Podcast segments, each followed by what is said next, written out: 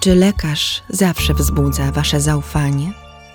Nie bójcie się, nie chcę podważać waszej wiary w siłę medycyny. Opowiem wam tylko pewną historię.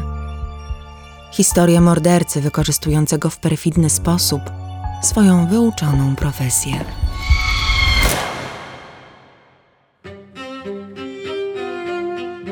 Marcel André Henri Félix Petiot urodził się 17 stycznia 1897 roku w burgundzkim miasteczku Auxerre we Francji. Niewiele wiemy o jego wczesnych latach, a przynajmniej lepiej nie ufać opowieściom wyssanym z palca, które powstały po ujawnieniu jego zbrodni. Na pewno był inteligentnym dzieckiem, ale nie potrafił skoncentrować uwagi na nauce. Był też klasowym łobuzem, który przyniósł do szkoły rewolwer ojca, pokazywał innym dzieciom skradzione, nieprzyzwoite fotografie i robił tym podobne wybryki. Rodzice chłopca konsultowali się z lekarzami w sprawie jego zachowania i nie tylko. Dziesięcioletni Marcel był diagnozowany po tym, jak wielokrotnie moczył łóżko i lunatykował. Matka, Marthe Marie Constance Josephine z domu Bourdon, zmarła w 1912 roku. Po jej śmierci ojciec, Felix Irene Petiot, osiem lat starszy od żony pracownik poczty, przeniósł się z powodu zmiany pracy z Auxerre do Joigny. Synowie, piętnastoletni Marcel i pięcioletni Maurice, zamieszkali z ciotką w rodzinnym mieście. Wkrótce Marcela wyrzucono ze szkoły w Auxerre, potem ze szkoły w Joigny. Gdy miał 17 lat, szkolne wybryki przekształciły się w łamanie prawa. Młody Petiot okradł skrzynkę pocztową, ale nie z przekazów pieniężnych. Włamał się do niej, by czytać cudzą korespondencję. Z powodu zniszczenia mienia publicznego z nietypowych pobudek, sąd zalecił konsultację lekarską. 26 marca 1914 roku Marcel został przebadany przez psychiatrę. Lekarz uznał go za chorego psychicznie, nienormalnego młodzieńca, cierpiącego na problemy osobiste i rodzinne, które w znacznym stopniu ograniczały jego odpowiedzialność za popełnione czyny. W związku z tak postawioną diagnozą, zarzuty wobec Petiot umorzono. Ojciec próbował kształcić syna ponownie w Auxerre i Dijon. Ostatecznie Marcel Petiot edukację szkolną zakończył w Paryżu w lipcu 1915 roku. Podczas I wojny światowej został zwerbowany do armii. W styczniu 1916 roku wcielono go do francuskiej piechoty. W listopadzie trafił na front. W N został ranny odłamkami granatów i zagazowany. Przechodził też załamanie psychiczne. Wysłano go do sanatorium, gdzie miał dojść do siebie. Niewiele mu to pomogło. Został przyłapany na kradzieży wojskowych koców i zamknięty w areszcie w Orleanie. Nie na długo. Podczas pobytu w szpitalu psychiatrycznym we Fleury-les-Aubrais zdiagnozowano u niego różne zaburzenia, nierównowagę psychiczną, neurastenię, depresję, melancholię, skłonność do obsesji i fobii. Mimo to znów wysłano go na front w czerwcu 1918 roku. Trzy tygodnie później strzelił sobie w stopę. Dopiero wtedy przeniesiono go za linię frontu. Nowa diagnoza doprowadziła do zwolnienia go z armii. Wylądował w szpitalu psychiatrycznym w Rennes w marcu 1919 roku. Po wyjściu został z 40% rentą inwalidzką weterana wojennego. Odwołał się jednak od decyzji komisji i we wrześniu 1920 roku uznano go za niepełnosprawnego w 100%. Diagnoza niezbędna przy orzeczeniu wskazywała na konieczność umieszczenia go w ośrodku zamkniętym i skierowanie na leczenie. Jednak nie trafił do szpitala jako pacjent, lecz jako potencjalny pracownik służby zdrowia. Francja oferowała swoim weteranom wojennym program przyspieszonej edukacji. Petio nie skończył jak wielu straumatyzowanych byłych żołnierzy żebrzących na ulicach. Zgłosił się do szkoły i został stażystą w szpitalu psychiatrycznym w Evreux po zaledwie ośmiu miesiącach nauki. Po ukończeniu z wyróżnieniem studiów medycznych na Wydziale Medycznym w Paryżu 15 grudnia 1921 roku mógł już tytułować się panem doktorem. Podjął pracę w miasteczku Villeneuve-sur-Yonne. Wydrukował ulotki, by nagłośnić swoje przybycie i otwarcie praktyki. Doktor Petiot jest młody i tylko młody lekarz może być na bieżąco z najnowszymi metodami zrodzonymi z postępu, który maszeruje wielkimi krokami. Dlatego inteligentni pacjenci mają do niego zaufanie. Doktor Petiot leczy, ale nie wykorzystuje swoich pacjentów. Tak napisał sam o sobie. Był wynagradzany zarówno przez pacjentów, jak i z państwowych funduszy pomocy medycznej. Chorzy nie wiedzieli, że zgłaszał ich do państwowej pomocy medycznej. Wypisywał najchętniej recepty na środki uzależniające. Gdy jeden z aptekarzy zauważył, że Petio przepisał niemal śmiertelną dawkę leków dla dziecka, Petio odparł bezczelnie, że lepiej pozbyć się dzieciaka, który matce robi tylko kłopot. Jako lekarz miał dostęp do różnych środków odurzających.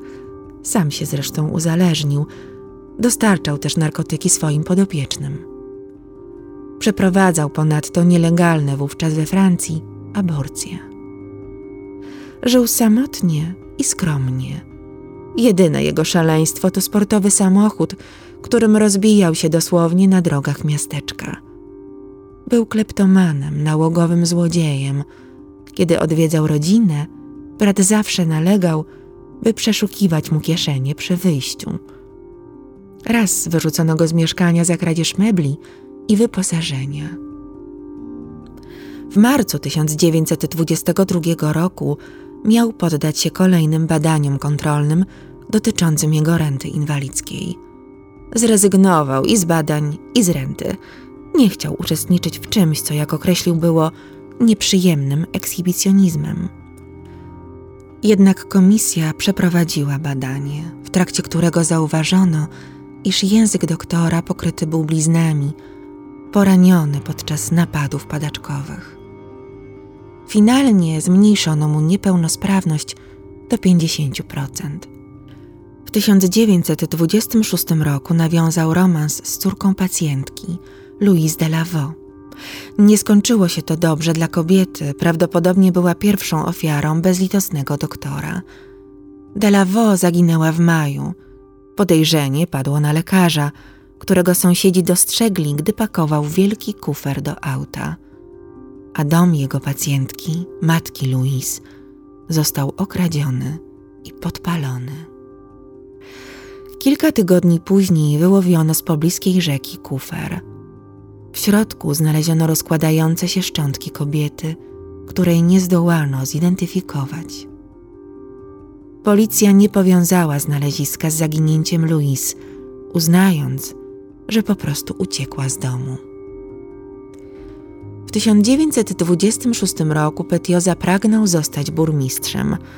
Zgłosił kandydaturę i za sprawą pewnego fortelu, dyskredytując przeciwnika, wygrał skorzystał z pełnionej funkcji, by podkradać pieniądze z miejskich funduszy. Ale nie tylko. Wyobraźcie sobie, że ukradł bęben miejscowemu zespołowi muzycznemu.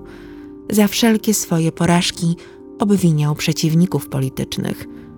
Skąd my to znamy, prawda?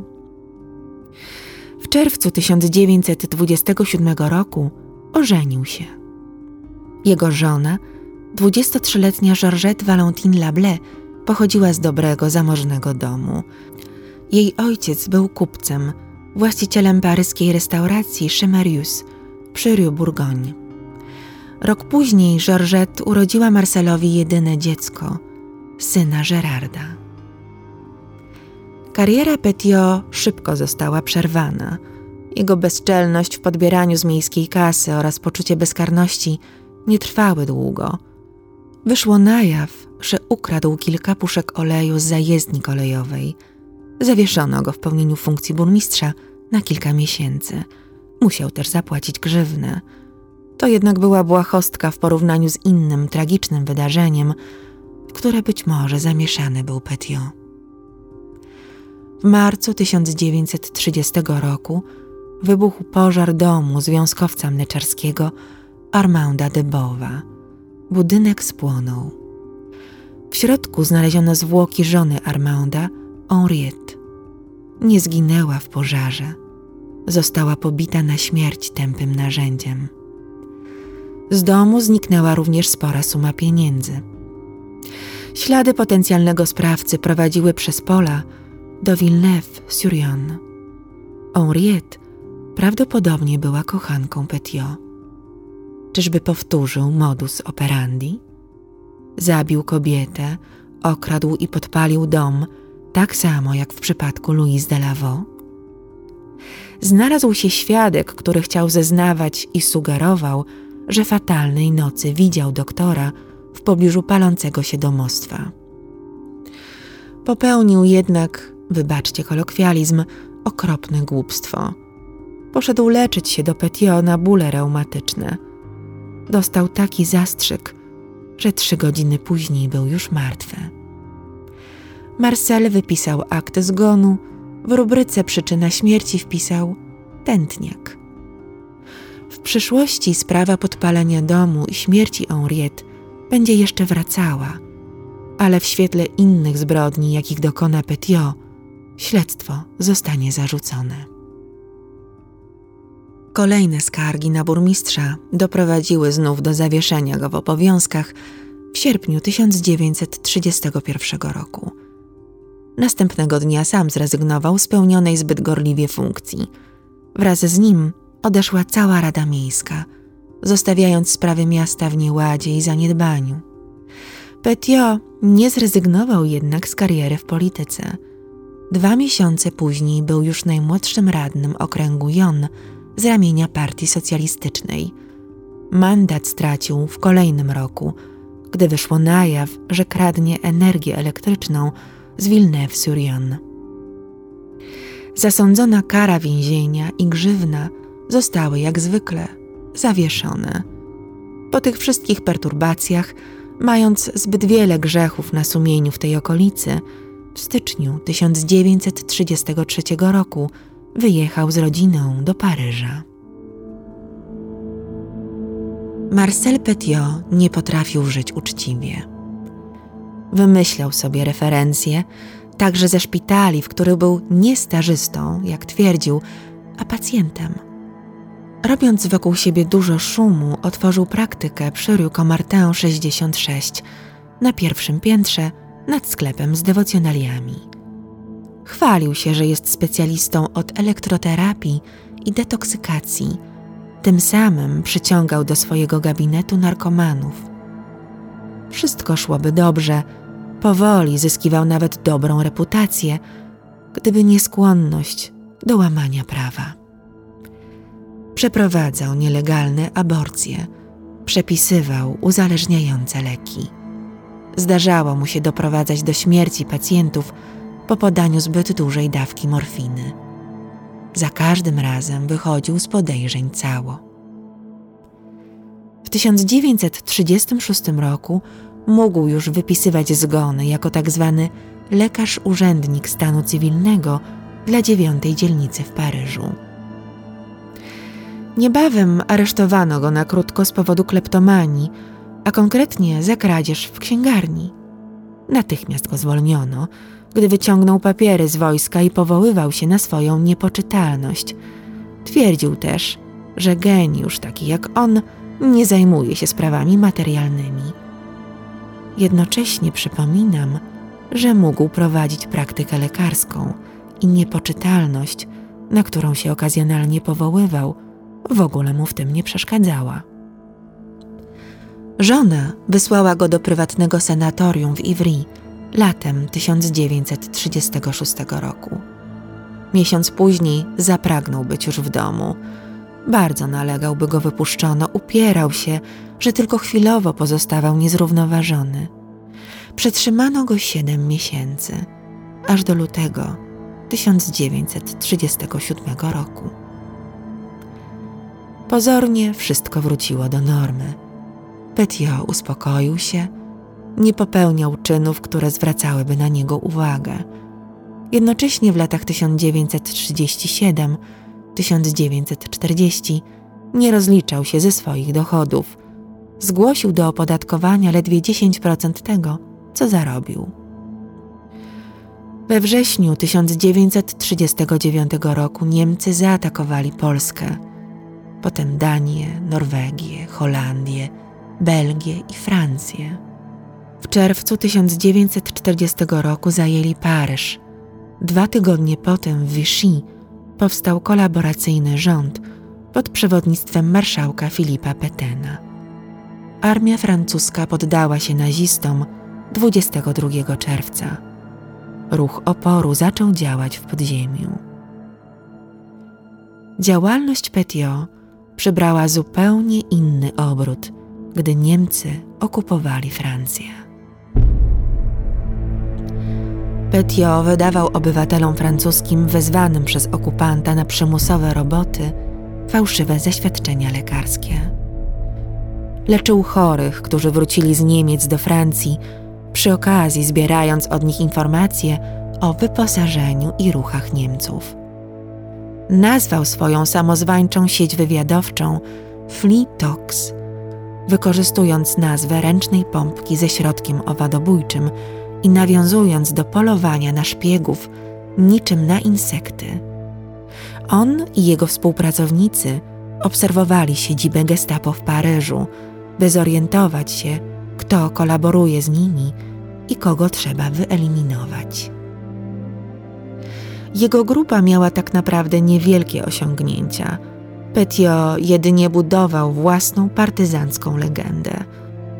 Opowiadał, że wynalazł środek na zabijanie Niemców, który nie pozostawiał śladów kryminalistycznych, że spotykał się z dowódcami alianckimi, zakładał miny pułapki w Paryżu. Wymyślił też grupę hiszpańskich antyfaszystów, z którymi miał rzekomo współpracować. Przyjął kryptonim dr Eugène i za 25 tysięcy franków od osoby oferował drogę ucieczki z Francji. Przyjmował Francuzów, Żydów, członków ruchu oporu i przestępców. Chętnych zaganiali mu trzej pomocnicy: fryzjer Raoul Fourier, muzyk Edmond Pentard i kolega z dzieciństwa René Gustave Nezonde. W sierpniu 1941 roku kupił piętrowy dom przy Rue Le Sueur 21 i tam przyjmował chętnych. Kamienica z XIX wieku z wewnętrznym dziedzińcem i prywatną stajnią należała kiedyś do jednej z francuskich księżnych. Zabudowania gospodarcze przebudował na swój gabinet. Podniósł wysokość muru, by całkowicie przesłaniał wgląd na wewnętrzne podwórze. W piwnicy, do której prowadziły podwójne drzwi, zaplanował pokój na planie trójkąta, w którym dokonywali żywota jego klienci. Pokój był dźwiękoszczelny.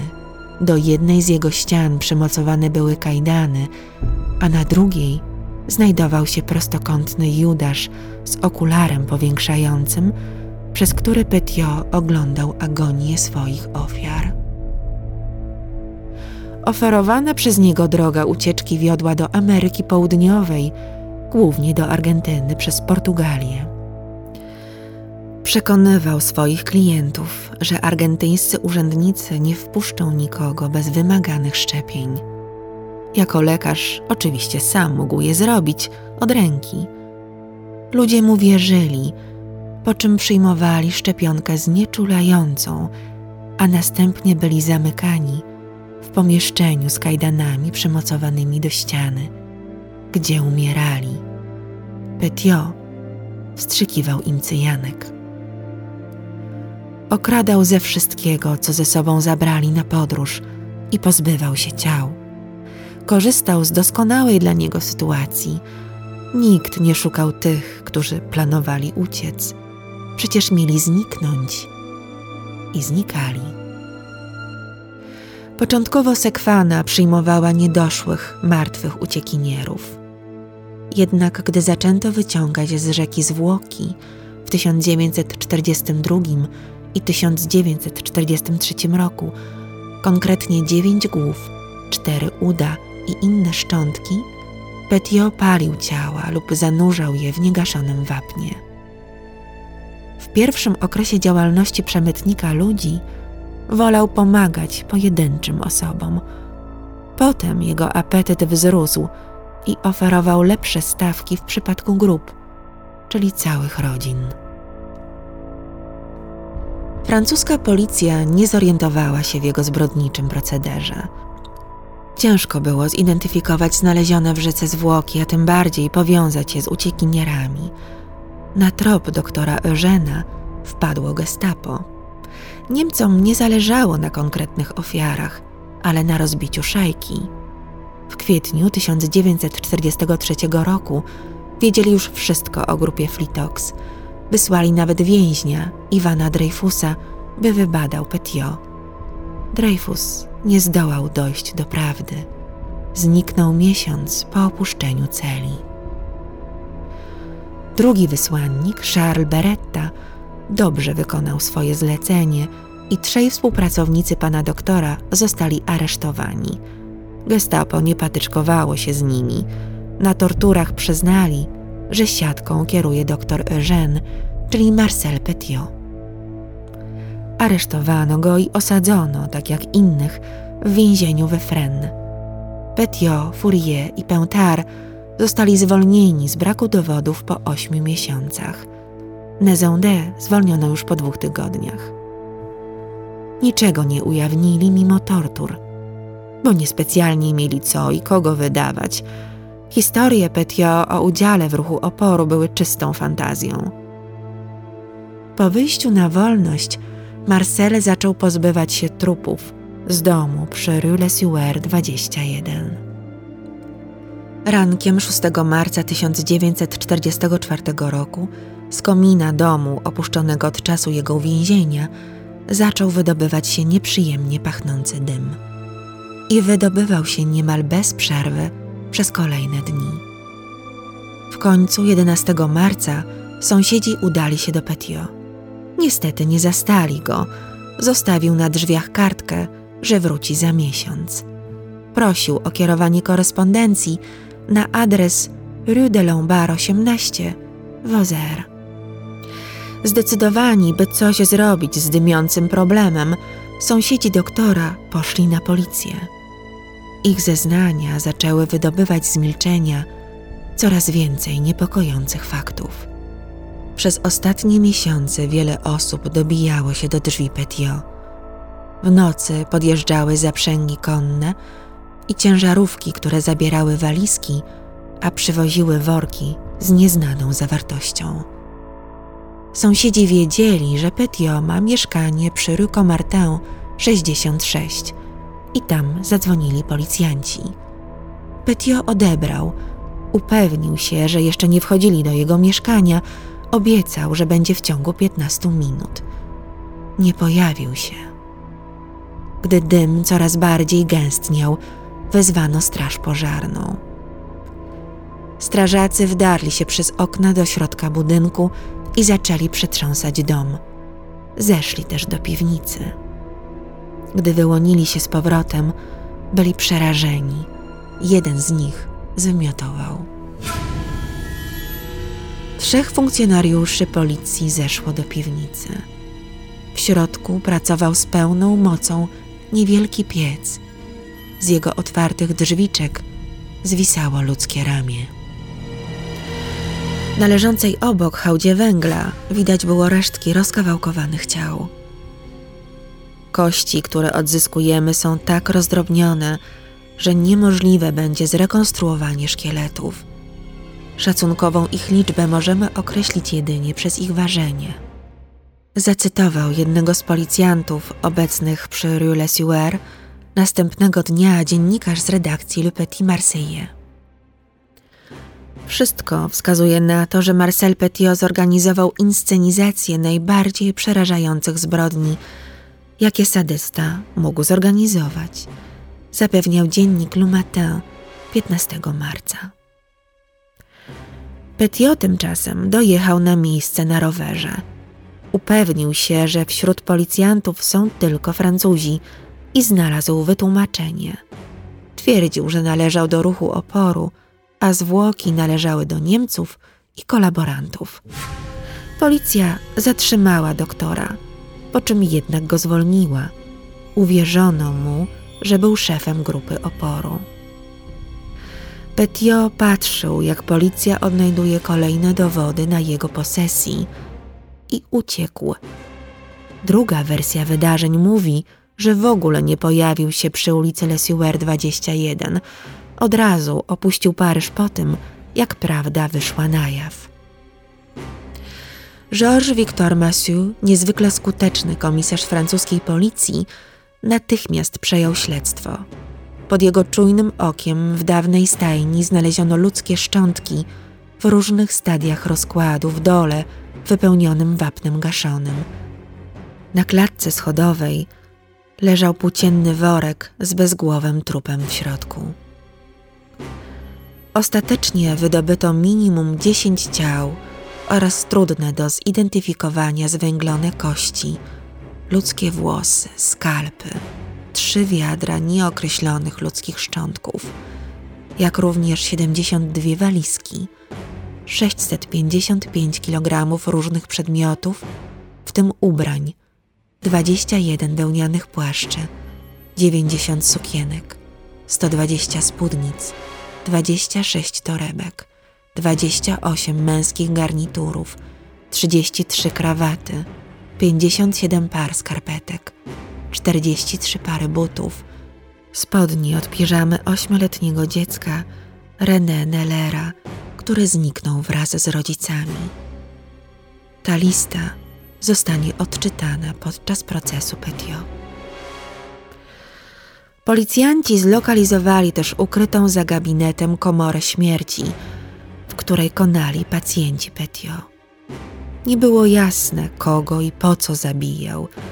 Podczas przeszukania nadszedł telegram z centrali policji w Paryżu, bez rozkazu władz niemieckich aresztować Petio, cytuję, niebezpiecznego wariata.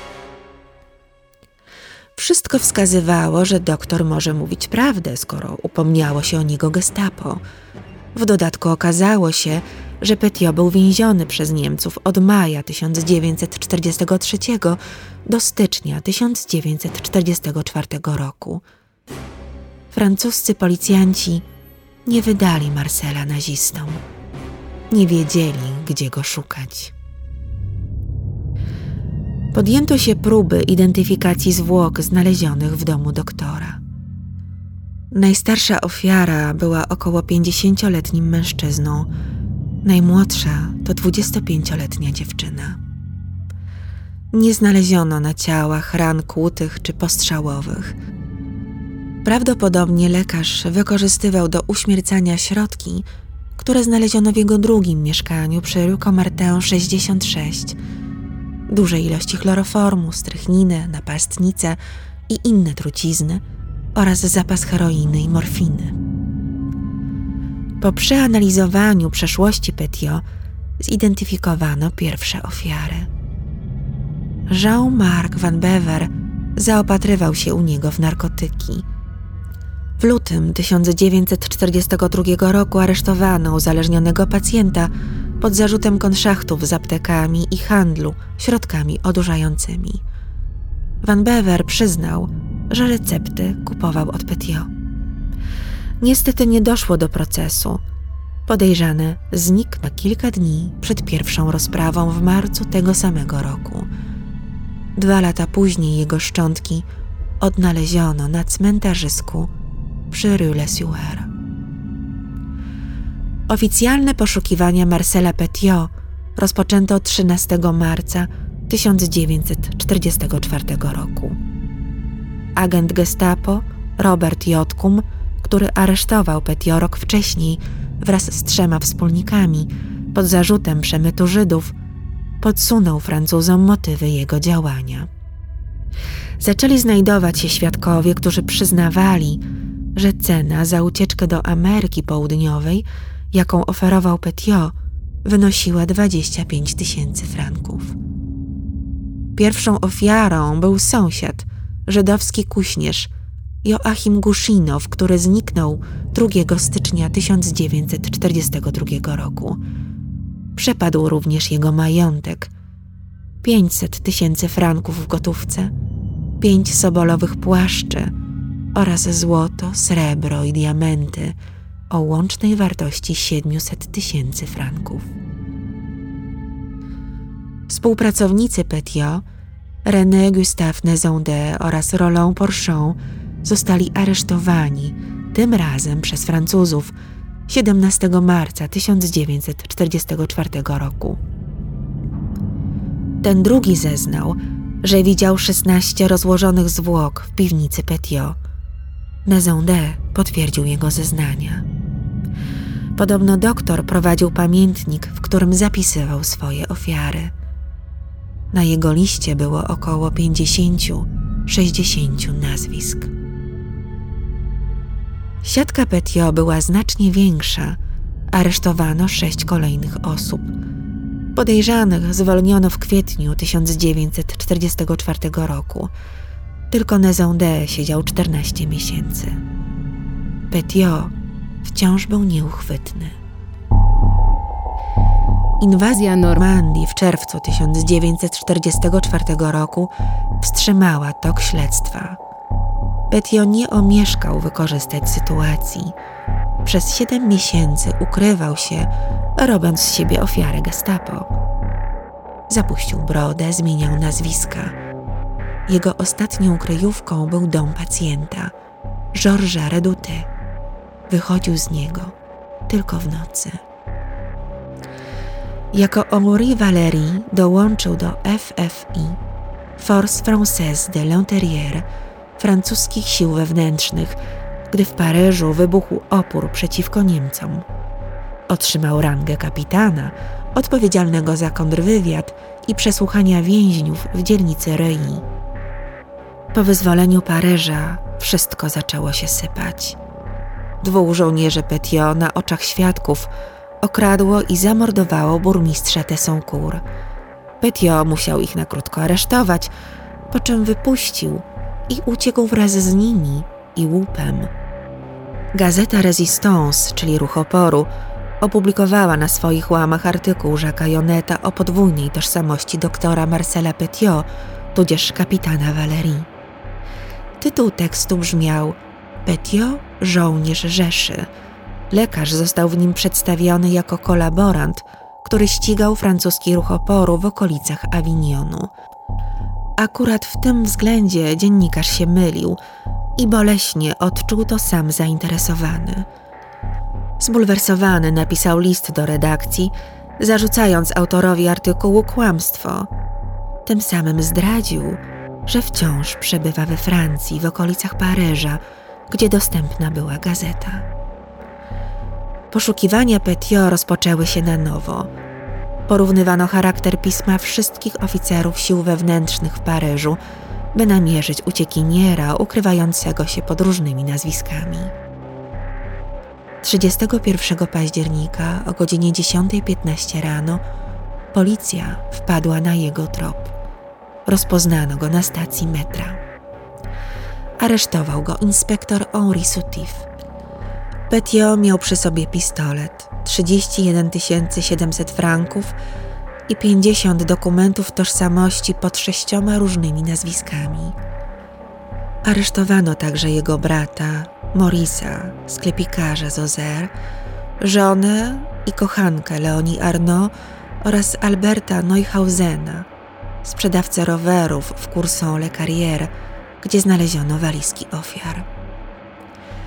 Wszyscy poza Petio zostali zwolnieni. Tylko Marcel, ochrzczony przez prasę doktorem szatanem, odpowiadał za swoje zbrodnie. Trafił do celi śmierci więzienia La Sonte.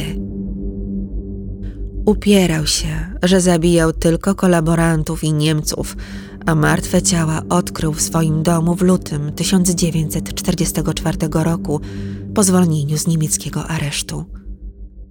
Według Petiot zabójstw dokonali ludzie z jego siatki Flitox. Brata, który dostarczył mu wapno gaszone, poprosił o pomoc w pozbyciu się ciał. Policja nie znalazła żadnych powiązań Flitox z jakąkolwiek grupą z ruchu oporu. Marcel wymyślał niestworzone historie, by ratować własną skórę. Oczywiście przebadano też jego przeszłość i pobyty w szpitalach psychiatrycznych oraz wcześniejsze zatargi z prawem. Został oskarżony o 27 morderstw z chęci zysku. Zarobił na nich 200 milionów franków w gotówce, złocie i klejnotach. Nigdy ich nie odzyskano. Dzień przed procesem pisały o nim niemal wszystkie gazety we Francji. Proces przyciągał wielu ciekawskich i dziennikarzy. Zeznawało 90 świadków. 18 marca 1946 roku Marcel Petiot usłyszał 135 zarzutów. Stanął po raz pierwszy przed trzema sędziami i siedmioosobową ławą przysięgłych. Bronił go mecenas René Floriot. Oskarżał zespół prokuratorów i dwunastu adwokatów cywilnych wynajętych przez krewnych ofiar. Petiot wypierał się do końca swoich win i aktywnie uczestniczył we własnej obronie. Przekonywał, że domniemane ofiary żyją w Ameryce Południowej z nowymi tożsamościami, że jego prawdziwe ofiary zasłużyły sobie na śmierć. Potwierdził, że pozbawiał życia wyłącznie Niemców i kolaborantów. Łącznie zabił w latach 1940-1945 63 wrogów Francji. Gdy zapytano go, kim były pozostałe ofiary, których szczątków nie odnaleziono, odpowiedział: Nie muszę się usprawiedliwiać za morderstwa, o których popełnienie nie jestem oskarżony. Floriot poprowadził linię obrony tak, by przedstawić klienta jako bohatera. Sędziowie i przysięgli nie uwierzyli mu, za to obecni na sali sądowej widzowie tak. Petio zachowywał się nonszalancko, gawędził, a nawet żartował ze swoim obrońcą. Chwilami zasypiał na ławie oskarżonych. Elegancko ubrany w dwurzędowy garnitur, dopasowany do ciemnoszarej muszki, pozostawał arogancki, spokojny, chwilami prowokacyjny. Pokazał się jako cyniczny manipulator. Szokował, rozśmieszał, uwodził publikę. Urządzał wręcz teatr jednego aktora, którego czekał smutny koniec. Dziennikarka gazety L'Aurore, Francine Bonicet, słynna z relacjonowania procesu marszałka Petena, napisała o doktorze. Petiot to czysty potwór. Wszystko w tym człowieku tchnie nienawiścią i niegodziwością. Psychiatrzy zbadali go po raz nie wiadomo który w jego życiu. Tym razem orzekli, że jest psychicznie zdrowy i może w pełni odpowiadać za swoje czyny. 4 kwietnia, po trzygodzinnej naradzie, za popełnienie 24 morderstw z premedytacją, skazano go na śmierć. Choć Florio odwołał się od wyroku, nic nie wskórał. Pierwotny dzień egzekucji przesunięto z powodu awarii gilotyny. Petio odmówił spotkania z księdzem. Wyrok wykonano 25 maja 1946 roku. O godzinie 3.30 nad ranem dostarczono gilotynę na dziedziniec więzienia La Santé w 14 dzielnicy Paryża. Następnie pod nadzorem Kata jego pomocnicy zmontowali ją. Madame Gilotyna była gotowa do egzekucji godzinę później. Petiot, prowadzony na śmierć, nie chciał wypić tradycyjnej szklanki rumu. Zapalił jedynie papierosa. W ostatniej chwili zgodził się na spotkanie z kapelanem więziennym. Zrobił to dla swojej żony. Nie jestem człowiekiem religijnym i mam czyste sumienie, powiedział duchownemu. Do gilotyny podszedł spokojnie. Przed przywiązaniem do tak zwanej ławki zwrócił się do obserwatorów. Panowie, proszę nie patrzeć, nie będzie pięknie. O godzinie 5.07 ostrze odcięło głowę od tułowia Petio. Gdy spadała do kosza, pozostał na niej uśmiech.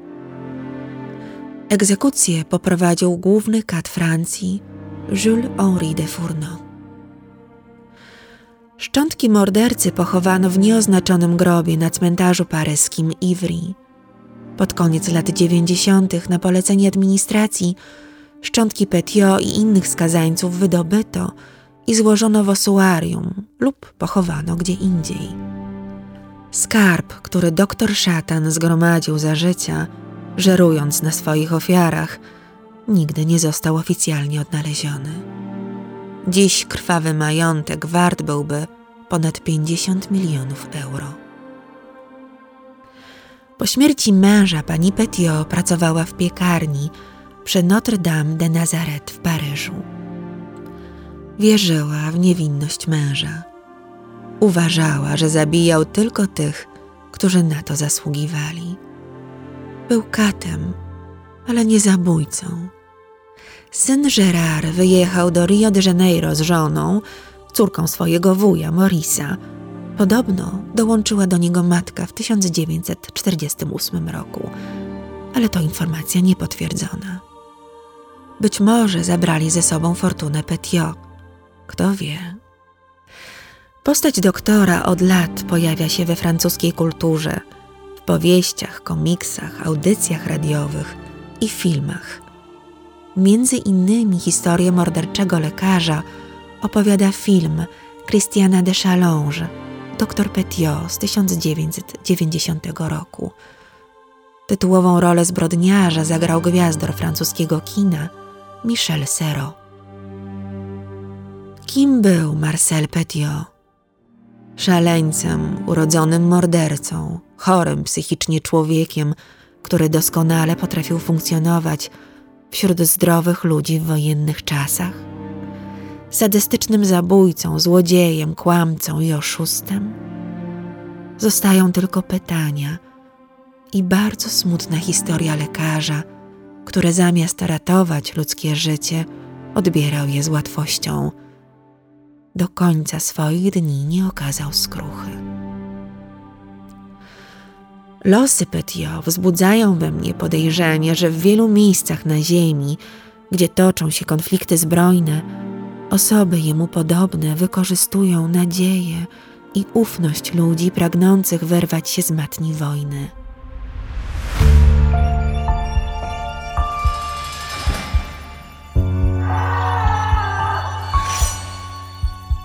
Dziękuję za Wasz czas. Wracajcie do mnie po więcej opowieści.